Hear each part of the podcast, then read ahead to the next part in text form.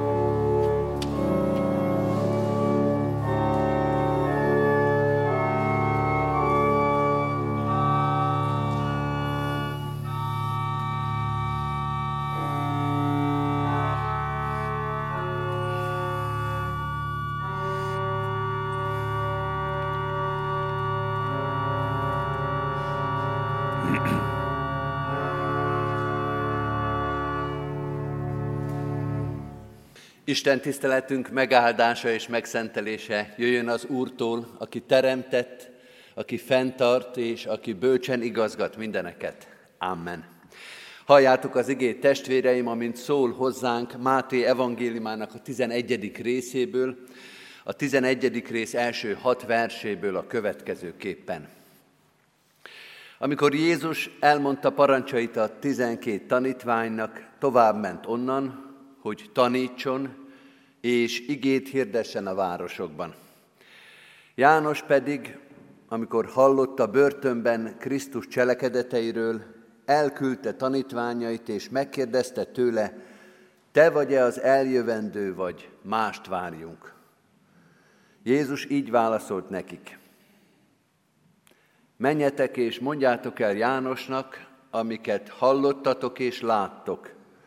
Vakok látnak, és bénák járnak, leprások tisztulnak meg, és süketek hallanak, halottak támadnak fel, és szegényeknek hirdetetik az evangélium, és boldog, aki nem botránkozik meg én bennem. Isten tegye áldottá igének hallgatását és szívünkbe fogadását. Hajtsuk meg most a fejünket és imádkozzunk. Urunk Krisztusunk, mi is hozzád jövünk, mert kérdéseink vannak hozzád, mert szeretnénk hallani a válaszaidat. Köszönjük, hogy ilyen közel lehetünk hozzád, és egyben bánkódunk amiatt, hogy oly sok lehetőséget kihagytunk, oly sok közelség mellett mentünk el érzéketlenül, oly sokszor hallhattuk volna a te szavadat, de nem figyeltünk rád nem becsültük meg ezt a lehetőséget, a veled való találkozás lehetőségét. De most itt vagyunk, és igyekszünk megbecsülni. Igyekszünk ajándékként, nagy lehetőségként, kiváltságként megélni, hogy hozzád jöhetünk, hogy szólhatunk hozzád, hogy hallhatunk téged, hogy találkozhatunk veled. Áldunk és magasztalunk azért, amiért közénk jöttél. Pedig mi olyan messze voltunk tőled, pedig annyi minden választott el tőled, és most mégis itt ülünk, itt állunk, itt éneklünk, itt imádkozunk, itt vagyunk a Te házadban. A Te ajándékod ez, nem a mi érdemünk. Nem miattunk és nem belőlünk jön ez a jelenlét, ez a közelség. A Te hívó szavad, a Te erőd, a Te lelked vezetett minket most is ide. Segíts, hogy így ezzel a lelkülettel, a Te lelkeddel hallgassunk, hogy minden szó mögé meghalljuk azt, amit mondani akarsz hogy felfedezzük, hogy nem csak az egész gyülekezetnek szólsz, hanem személyesen nekünk is. Hiszen te tudod azt, hogy mit hoztunk a szívünkben, hogy mi van az életünkben, hogy mi volt tegnap és mi lesz holnap. Te ismered az életünket, ezért a te válaszaid a legerősebbek, a legértékesebbek. Segíts rád figyelni. Segíts abban, hogy az életünket a te tanításaid, a te igét szerint élhessük, hogy valóban igaz legyen ránk is, ez a szép szó, hogy a tanítványaid vagyunk. Ezért kérünk, tisztíts most meg minket a veled való közösségre, erősíts meg minket, hogy értsük és kövessük a szavadat, sőt, tégy minket arra is alkalmassá és készé, hogy hirdessünk téged szóval és cselekedettel, egész életünkkel. Jézus Krisztusért, ami mesterünkért, mennyei atyánk, áldj meg minket. Amen. Kedves testvérek, most foglaljuk el a helyünket, és énekszóval készüljünk az ige hirdetésre. Énekeljük a 824. dicséretünknek az első három verszakát. 824. dicséretünk első, második és harmadik verszakát. Szólj, szólj hozzám, Uram, mert szolgát hallja szódat.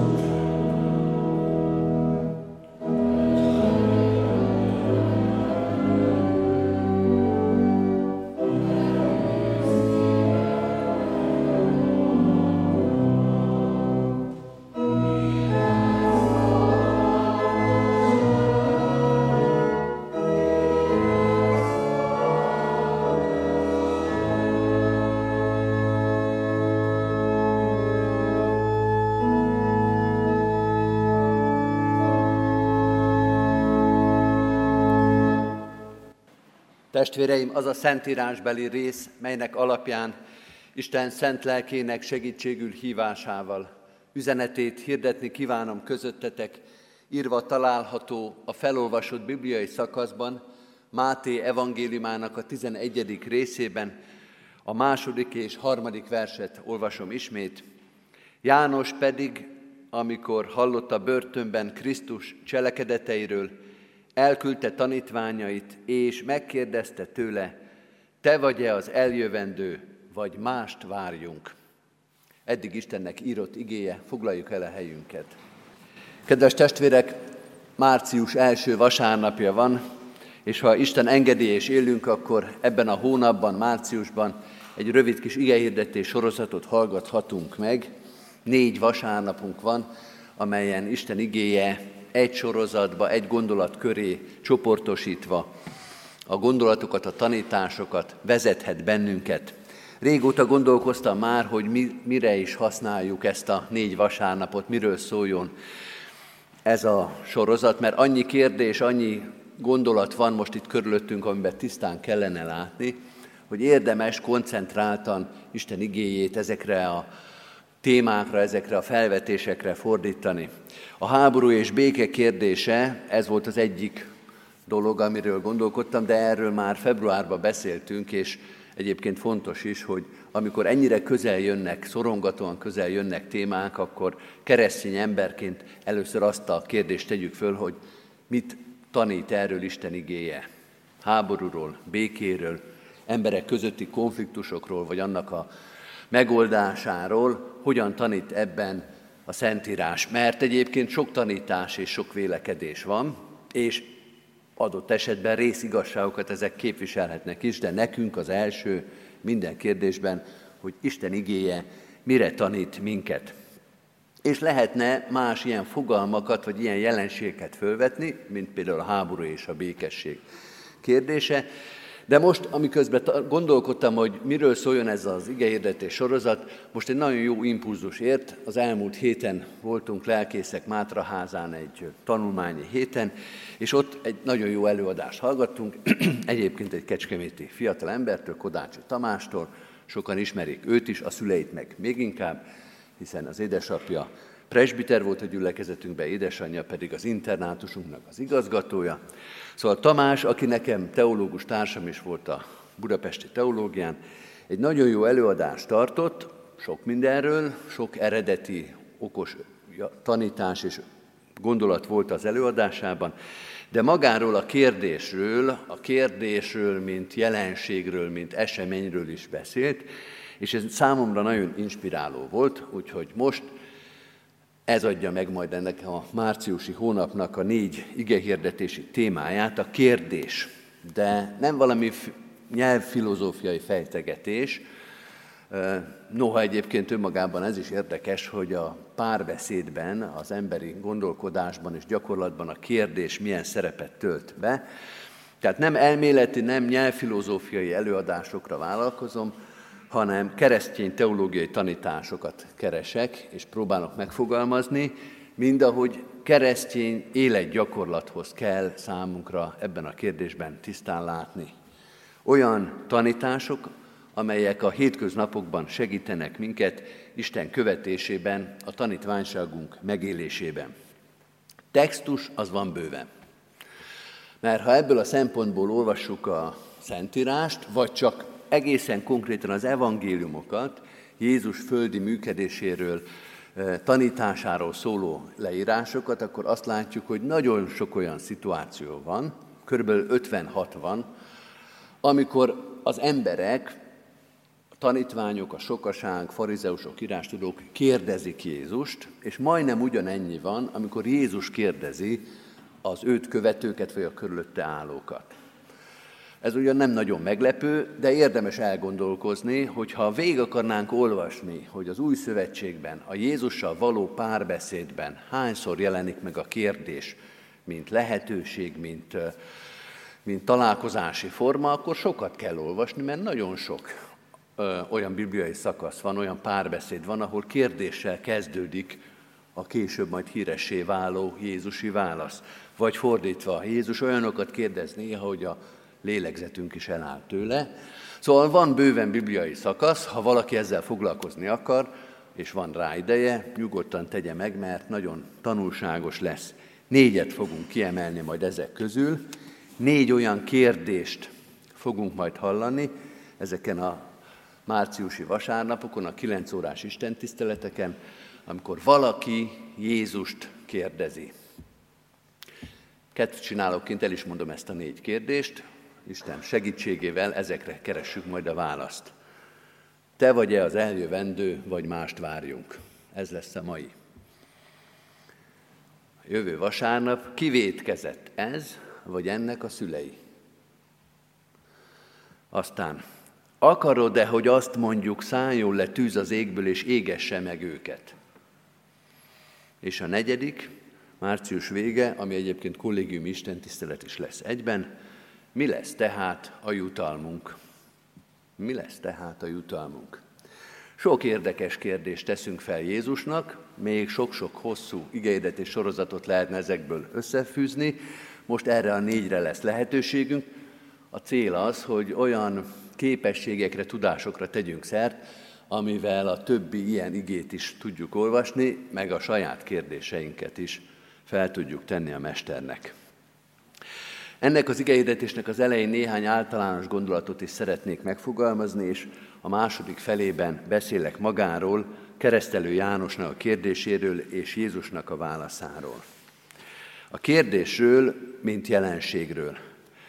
Mert ebben az igében azt olvassuk, hogy keresztelő János az utolsó nagy proféta, aki már nem előre mutat Jézusra, hanem maga mellé mutat, és azt mondja, íme az Isten báránya, tehát egy nagyon kiemelt szerepben lévő ember, ő kérdezi Jézus Krisztust.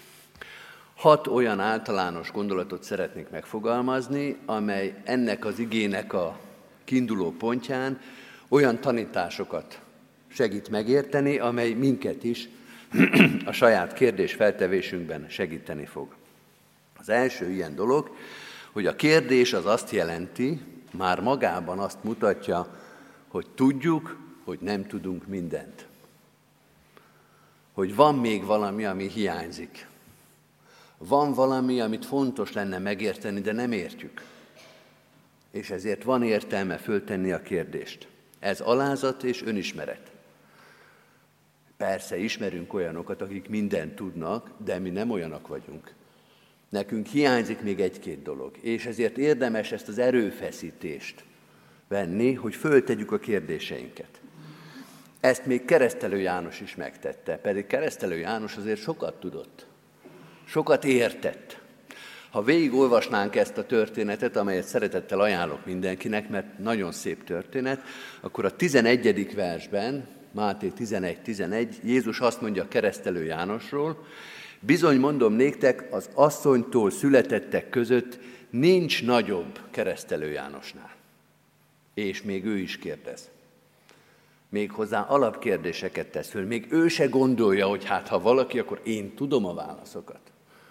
Ha keresztelő János megengedte magának, hogy kérdezzen, akkor mi is megengedhetjük. Nem tudunk mindent. Nem tudunk mindent, de szükségünk van a válaszokra. Ez a második gondolat. De fontos lenne tudni. Van célja a kérdésnek, és érdemes is kérdezni, mert előbbre jutunk azzal, hogyha meghalljuk a választ. Haladni tudunk a történetünkben, a megértésünkben. A harmadik, és talán ez a legfontosabb tanítása magának az alaphelyzetnek, hogy amikor kérdezünk, akkor azzal a reménységgel kérdezünk, hogy halló távolságban van az, aki felé a kérdésünket föltesszük. Nem vagyunk bolondok, nem magunkban motyogunk, hanem azzal a biztos hittel, reménységgel tesszük fel a kérdésünket Isten felé, hogy ő ezt hallja, a halló távolságon belül van, ez a tapasztalatunk, ez a reménységünk, hogy párbeszédben vagyunk az Úristennel. Nem a pusztában, nem az űrben éljük az életünket, hanem az ő közelségében. Ha fölteszünk egy kérdést, akkor ezt ő hallani fogja, és ha válaszol, akkor mi meg a választ fogjuk hallani. Ha ez nincs meg, ha nincs meg a reménység, jobb esetben a tapasztalat, akkor fölösleges. sőt nevetséges dolog önmagunkban beszélgetni. Amikor Istent kérdezzük, akkor nem önmagunkat kérdezzük. Ez azt is jelenti, hogy egy külső választ várunk, hogy a válaszával épülünk, a válaszával többek leszünk. Amikor megérkezik a válasz, akkor haladunk a megértésben, hiszen külső információt kapunk, hogy egy külső dolog fog beépülni. Hogy úgy vagyunk, mint az iskolával, hogy egyre tovább, egyre magasabb osztályba léphetünk. Elkezdjük az alapkérdésekkel, tanulunk, erősödünk, megyünk a középiskolába, megyünk a főiskolára, tehát a hitben előre lehet haladni. Nem önmagunk körül tekergünk, nem ugyanazon a szinten rágódunk, hanem igenis lehet a hitben előbbre lépni, magasabb, felsőbb osztályba lépni. Következő kérdés, a kérdés, a párbeszédben kérdés van és válasz van. Ez olyan nagyon egyszerűnek tűnik, de néha nagyon keményen meg kell érte küzdeni. Keresztelő János a börtönből kérdez. Egy kicsit szervezni kell, egy kicsit gondolkodni kell, hogy is legyen ez, kit küldjön, hogyan fogják majd visszahozni a válaszát. Tehát nem olyan nagyon egyszerű, mint ahogy az alapképletet leírjuk, hogy van kérdés és van válasz és van meghallás. El vagyunk zárva, mint keresztelő János. Messze van tőlünk, nem is látjuk. De ez nem teszi reménytelenné a helyzetet. Van távolság Isten és az ember között, de ez nem zárja ki a kérdést.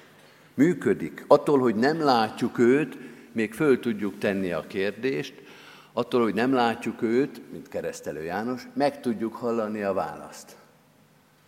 Egy picit összetettebb a helyzet, nem úgy, mint a paradicsomba volt, nem úgy, mint a teremtéskor, amikor szemtől szembe láttuk az Istent. Nem úgy van, mint majd az üdvösségbe lesz, hogy úgy fogunk ismerni, ahogy minket ismert az Isten. Akkor az olyan nagyon egyszerű lesz, kérdezni se kell, hiszen már mindent látunk és tudunk. De most még összetettebb a helyzet, de nem reménytelen. Keresztelő János kérdése eljut Jézushoz, és Jézus válasza eljut keresztelő Jánoshoz. Az utolsó bevezető gondolat, vagy az utolsó előtti, hogy a párbeszéd az arra hitre épül, hogy Isten hall, és Isten ért, és van válasz a számunkra.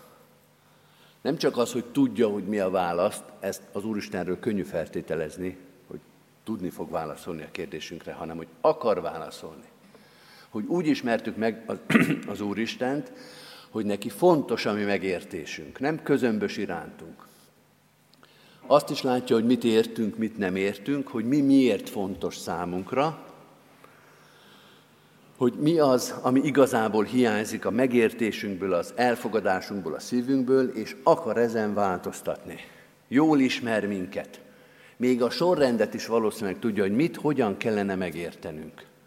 Olyan, mint a jó pedagógus, hogy pontosan érti, hogy a gyerek mi az, amit nem ért, és hogy hogyan tud eljutni a válaszra. Van egy kedvenc családi történetem, már mondtam, de engedjétek meg, hogy még egyszer elmondjam, mert szerintem ez az Isten való kapcsolatunkban is hasznos lehet. Nekem pedagógus szüleim vannak, voltak. Édesapám is, édesanyám is matematikus volt, és voltak mindig diákok nálunk, akik tanultak, korrepetálásra jártak, és egy egyik rokon vagy barát családból ott volt egy fiú, aki egyébként most játszótereket épít, és Kecskeméten is a filmstúdió mellett épített egy szép játszóteret. Szóval ez a fiatal ember ott volt, és apám korepetálta matekból. Az egész család hallgatta, mert hát egy akkora lakásba jöttük, hogy lehetett hallani a matematikai korrepetálást, és éreztük, hogy valami elakadt, hogy valami nem működik.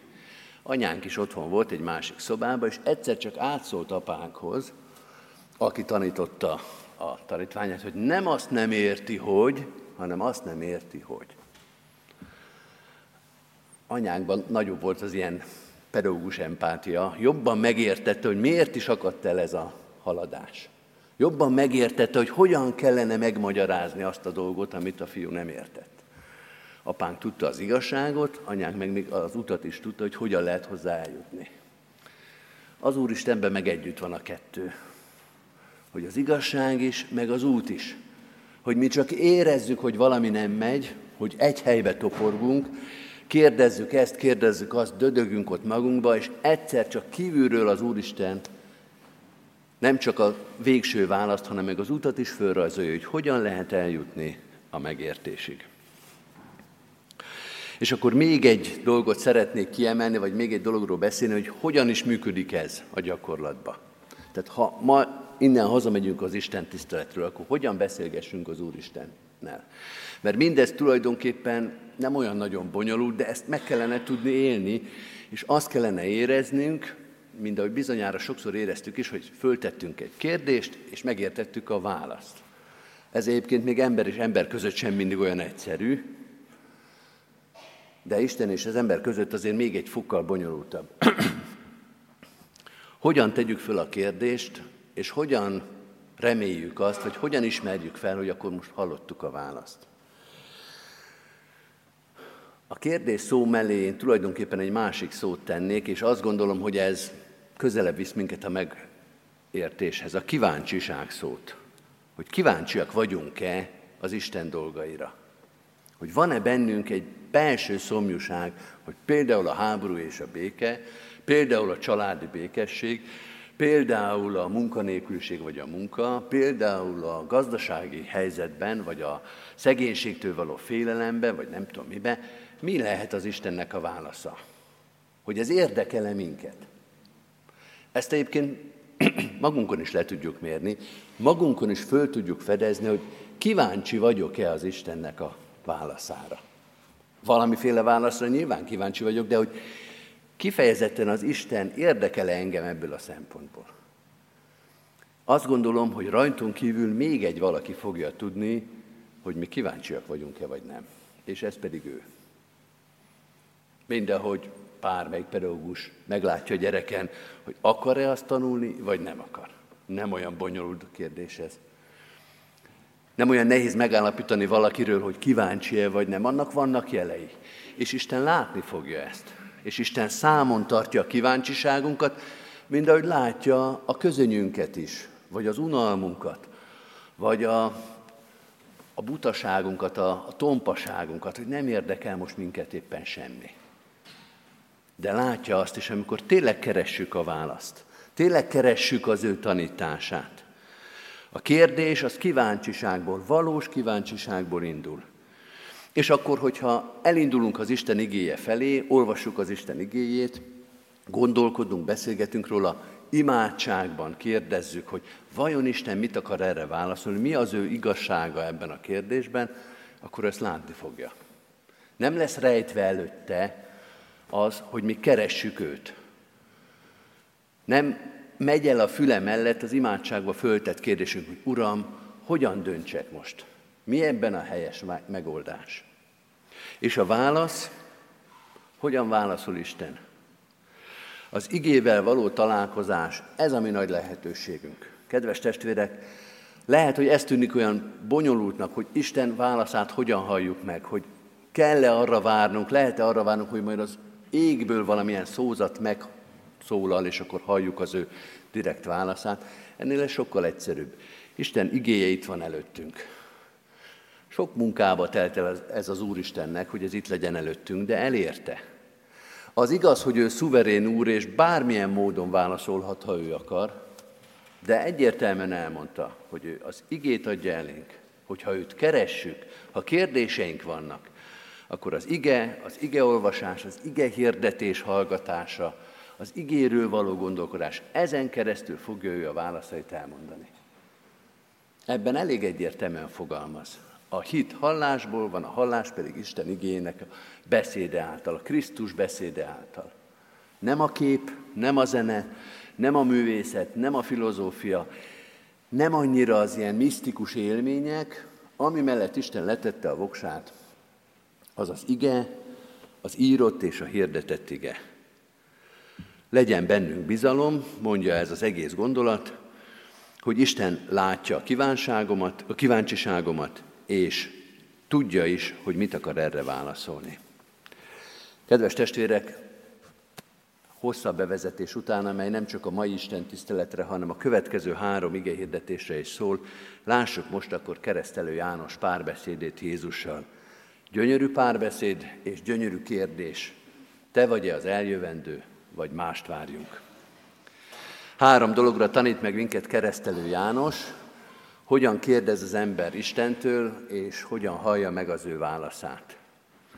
Az első, amit ebben a kérdésben megtanulunk, ami bármelyik más szituációban is fontos lesz, az ez, a lényeg az, hogy ki vagy te.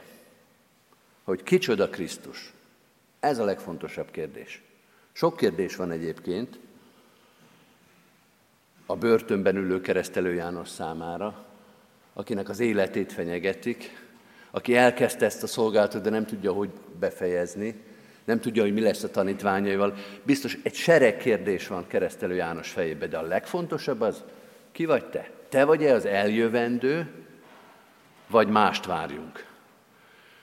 A cselekedeteiről tudunk, ezt olvassuk, hogy amikor hallotta, hogy mit tett Jézus, ezt a kérdést tette föl. Te vagy-e az eljövendő?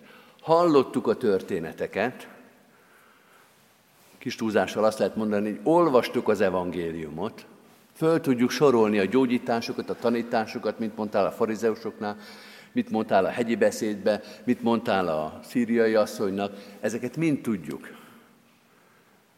De vajon jól értjük-e? A proféciákat is ismerjük. Keresztelő János aztán tényleg, ő olvasta az új szövetséget.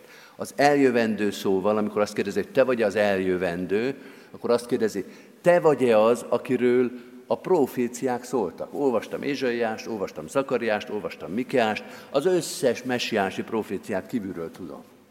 De jól értem, hogy akkor te vagy az, akikről ezek szólnak. Jól értjük azt, amit olvasunk? Jól azonosítunk téged? Te vagy az eljövendő, vagy mást várjunk?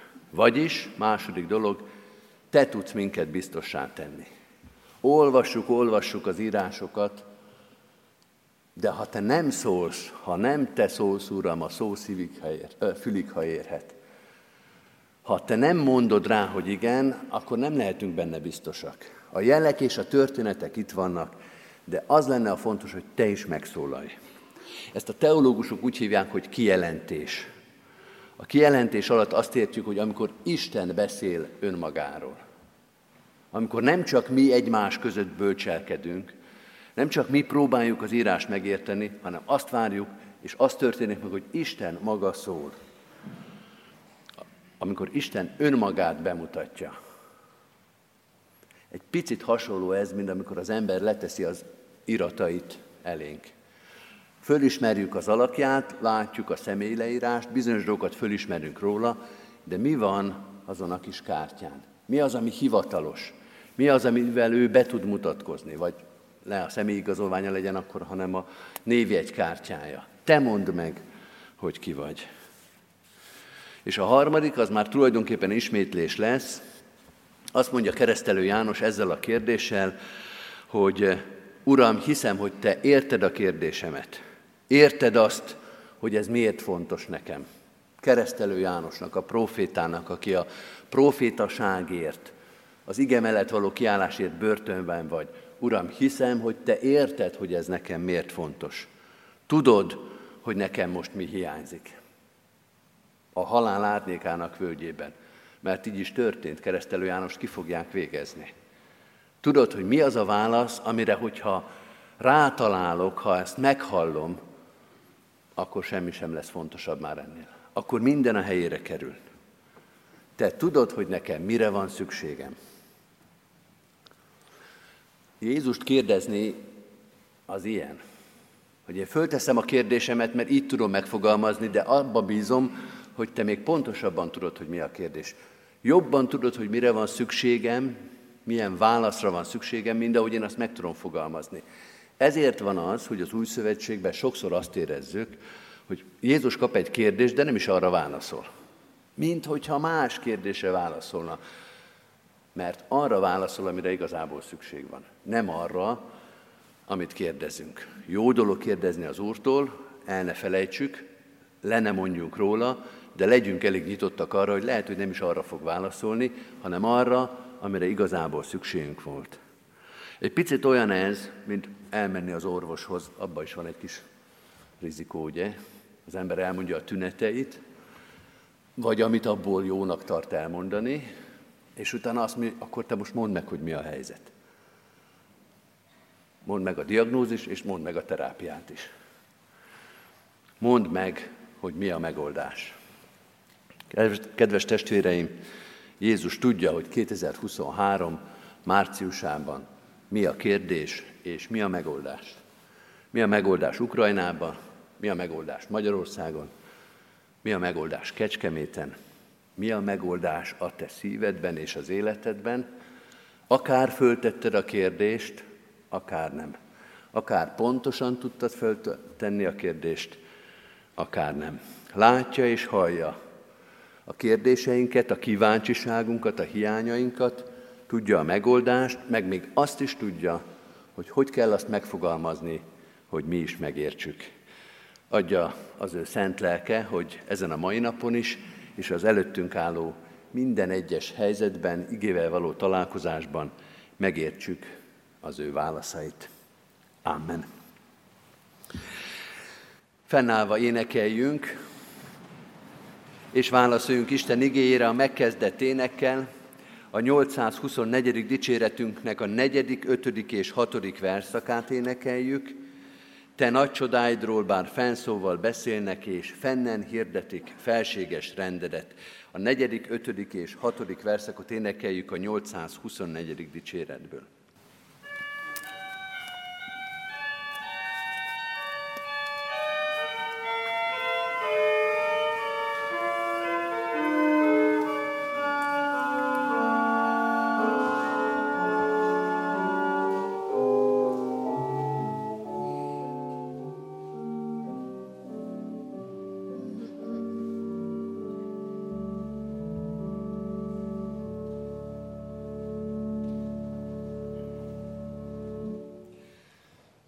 Ar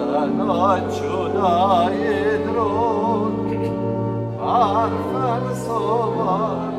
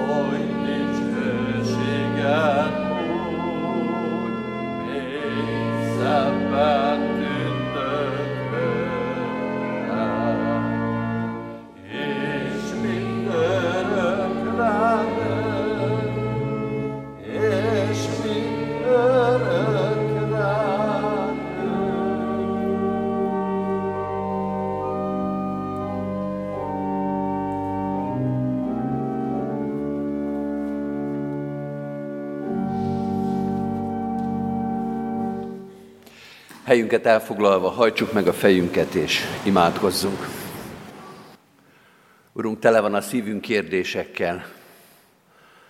Bocsáss meg, hogyha bent tartjuk őket, ha nem merjük kimondani, ha nem bízunk abban, hogy Te válaszolsz, vagy ha félünk meghallani a válaszaidat, elfogadni a megoldásaidat.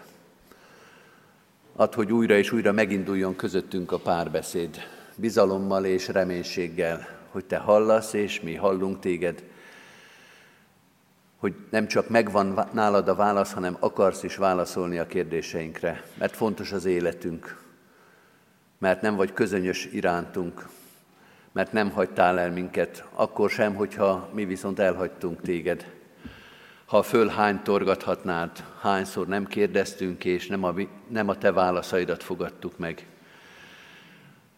Ha el is rontottuk egyszer, kétszer, sokszor ezt a dolgot, hadd térjünk vissza hozzád, hadd soroljuk a kérdéseinket, és utána hadd figyeljünk rád, hadd csendesítsünk el minden mást, és hadd figyeljünk a te válaszaidra. Add, hogy sűrű legyen ez a párbeszéd, hogy minden nap kérdezzünk, és minden nap hallgassunk téged. Hogy minden nap készek legyünk arra, hogy te kérdezzél minket, és mi válaszoljunk neked. Fond egészen szorosra ezt a, ezt a kapcsolatot kettőnk között, a te felséged, szereteted és nagy hatalmad és a mi szívünk között.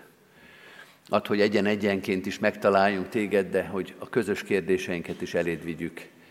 A családunkkal, a szeretteinkkel, a közösségeinkkel, a gyülekezetünkkel, országunkkal és nemzetünkkel együtt megállhassunk te előtted, és kérdezzünk, mi a helyes, mi a jó, mi az, ami megegyezik a te akaratoddal, mi az, amit elrontottunk, és hogyan lehetne azt kiavítani? Mi az, amit ki kell mondanunk, és mi az, amiben hallgatnunk kell? Segíts, hogy bölcsen éljük az életünket. A Te félelmed, a hozzád való viszonyunk, az irántad való tiszteletünk legyen a bölcsességünknek a kezdete, a mértéke, az iránya. Így visszük most majd eléd egyen-egyenként is a kérdéseinket, mert tudjuk, hogy Te figyelsz ránk, Segíts meghallani a válaszaidat.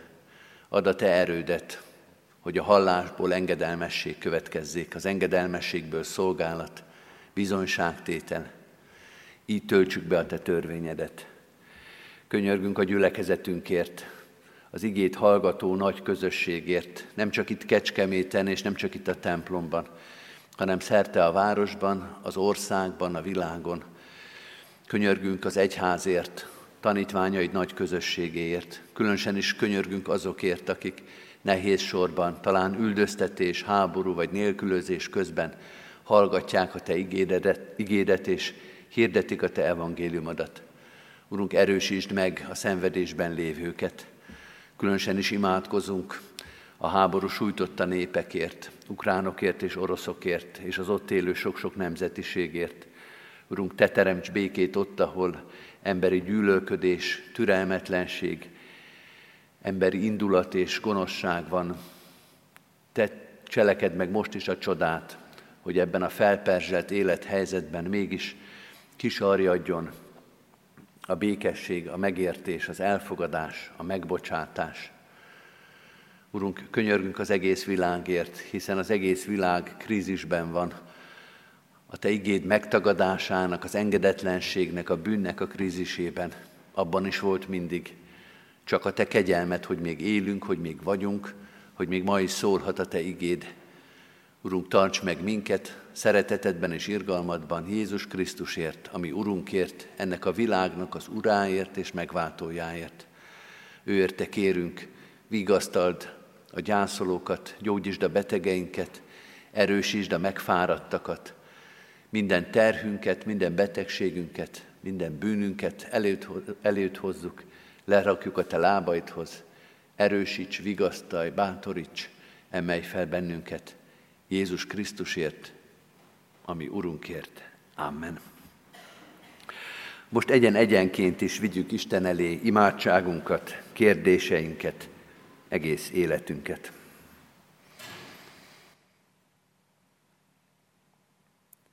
Amen. Az Úrtól tanult imádságot fennállva és együtt mondjuk el. Mi, atyánk, aki a mennyekben vagy, szenteltessék meg a te neved. Jöjjön el a te országod, legyen meg a te akaratod, amint a mennyben, úgy a földön is. Mindennapi kenyerünket add meg nékünk ma, és bocsásd meg védkeinket, miképpen mi is megbocsátunk az ellenünk védkezőknek. És ne vigy minket kísértésbe, de szabadíts meg a gonosztól, mert tiéd az ország, a hatalom és a dicsőség mind örökké. Amen. Hirdetem az adatkozást, testvéreim, az ige szavával, teljesítsétek felségesnek tett fogadásitokat, adakozzatok jó szívvel az ő dicsőségére, hogy ő meggazdagítson benneteket. Mindezek után az Istennek békessége, mely minden értelmet felülhalad, őrizze meg szíveteket és gondolataitokat a Krisztus Jézusban. Amen. Foglaljuk el a helyünket, kedves testvérek! Hallgassuk meg gyülekezetünknek a híreit, rögtön utalok a hirdető lapokra, amely a kiáratoknál megtalálható, és rögtön utalok arra, hogy itt az Isten tisztelet után a gyülekezeti központban kávéházra, gyülekezeti kávéházra, közösségre hívunk és várunk mindenkit, hogyha van rá időnk és lehetőségünk, jöjjünk be és találkozzunk egymással ilyen közvetlen formában is.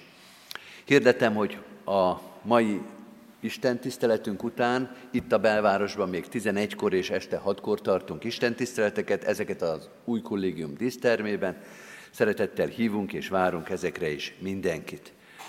Az előttünk álló héten az evangélikus református esték előadás sorozatát emelem ki, hétfőn, kedden és szerdán, mind a három napon, este 5 órakor az új kollégium dísztermében Székely Gábor, történész, kollégiumunknak az öreg diákja tart egy előadás sorozatot Protestánsok Kecskeméten a 16., 17., 18. században címmel. Ez majdnem megegyezik a könyvének a címével, ami 2022-ben jelent meg. Az úgy van, hogy, hogy reformátusok Kecskeméten a 16. 18. században. Itt mind a két felekezetről szól majd az előadás, az evangélikusokról és a reformátusokról, hiszen egyébként a 16. századi történetünk gyakorlatilag egy, akkor még a felekezetek nem is váltak annyira szét, tehát mind a két felekezet a szervezője egyébként az előadás sorozatnak. Szeretettel hívunk és várunk erre mindenkit. Ha a kecskeméti reformátusokat nem érdekli ez három estére, akkor senkit nem fog. Tehát ez a mi történetünk, mindenkinek nagy szeretettel ajánlom, és ha még valaki nem vette meg ezt a könyvet, amit szintén nagy szeretettel ajánlok, akkor az első 13-nak van lehetősége, annyi könyvet tudtunk szerezni ebből a példányból, de majd ha hiányzik, még szerzünk belőle, meg lehet vásárolni. Jó szívvel ajánlom azt is, nagyon jó nyelven írt, jól fogyasztható szakkönyv a gyülekezetünk történetéről. És még mindig van valamit mondani erről az előadás sorozatról, mert mind a három este lesz egy kis bemutató is, a gyülekezetünk gyűjteménye, könyvtár és levéltár, nagyon fontos dokumentumokat őriz a gyülekezet történetéből, a 16., 17. és a 18. századból is, és egy-egy dokumentumot a levéltár kincseiből megtekinthetünk, amely részben forrása is az elhangzott előadásnak. Úgyhogy mindenképpen szeretettel várunk mindenkit a díszterembe, hétfőn, kedden és szerdán este 5 órától. Pénteken asszonykör is lesz a Kikelet utcában, az 56-os szám alatt, este 6 órakor szeretettel várnak oda mindenkit a szervezők. A ránk következő vasárnapon, a március második vasárnapján a megszokott rendben, kilenckor tartunk itt Isten tiszteletet a templomban, 11-kor pedig este, és este 6 órakor pedig a díszteremben. És ugyancsak a jövő vasárnapon 10 órától ima séta lesz a Széchenyi Városi Református templom és gyülekezeti otthon megépítéséért a helyszínen, a Széchenyi sétány hat szám környékén, ahol eh, reménység szerint majd a templom tudjuk építeni. Aki ezen részt kíván venni, ott 10 órától gyülekeznek a Széchenyi Városi Gyülekezet tagok, szeretettel ajánljuk ezt mindenki számára. Szomorú szívvel hirdetjük, hogy az elmúlt héten elbúcsúztunk Unyi Lászlóné Somogyi Irma testvérünktől és Víg, Víg, Víg Lászlóné Szabó Klára testvérünktől. Halottaink Kis Mátyásné Pap Katalin, 69 évet élt testvérünk, temetése 8-án szerdán 11 óra 45-kor lesz a köztemetőben. Dr. Jakel Anna Mária, 69 évet élt testvérünk temetése 10-én pénteken 13 órakor lesz a köztemetőben. Lakó József, 84 évet élt testvérünk temetése 10-én pénteken 14 órakor lesz a köztemetőben. És szomorú szívvel hirdetjük, de Isten vigasztalását kérve, hogy Esztót Gergely testvérünk, aki 51 éves korában ment el a minden élő kutyán, elhunyt, az ő temetéséről később történik intézkedés. Kérjük a gyülekezet tagjait, hogy imádságban hordozzák a gyászoló családokat. Ugyancsak így emlékszünk az egy éve elhunyt Fazekas János testvérünkre, az ő családtagére is Isten vigasztalását kérjük. Isten iránti hálával hirdetjük, hogy az elmúlt héten mintegy 700 ezer forint adomány érkezett gyülekezetünk pénztárába, a Széchenyi Városi templomra összesen már több mint 23,7 millió forint érkezett. Isten áldja meg a jókedvű adakozókat. További híreinkről néhányat emelek csak ki. A bőti sétát, amit a Nőszövetség szervez, március 9-én, 16-án, 23-án és 30-án a Benkó Zoltán Szabadidő Központ bejáratánál indul ez a bőti séta, 10 órakor ezeken a csütörtöki napokon. Szeretettel hívnak és várnak oda mindenkit a szervezők. Március 25-én 8 óra 30-tól virágültetés az Emmaus házban, és a református pontnak a híreit veszem még ide, vasárnaponként ma is, és az előttünk álló vasárnapokon a két Isten tisztelet között, tehát 10 és 11 óra között nyitva van a református pont, illetve hétköznapokon délután 3 órától 5 óráig.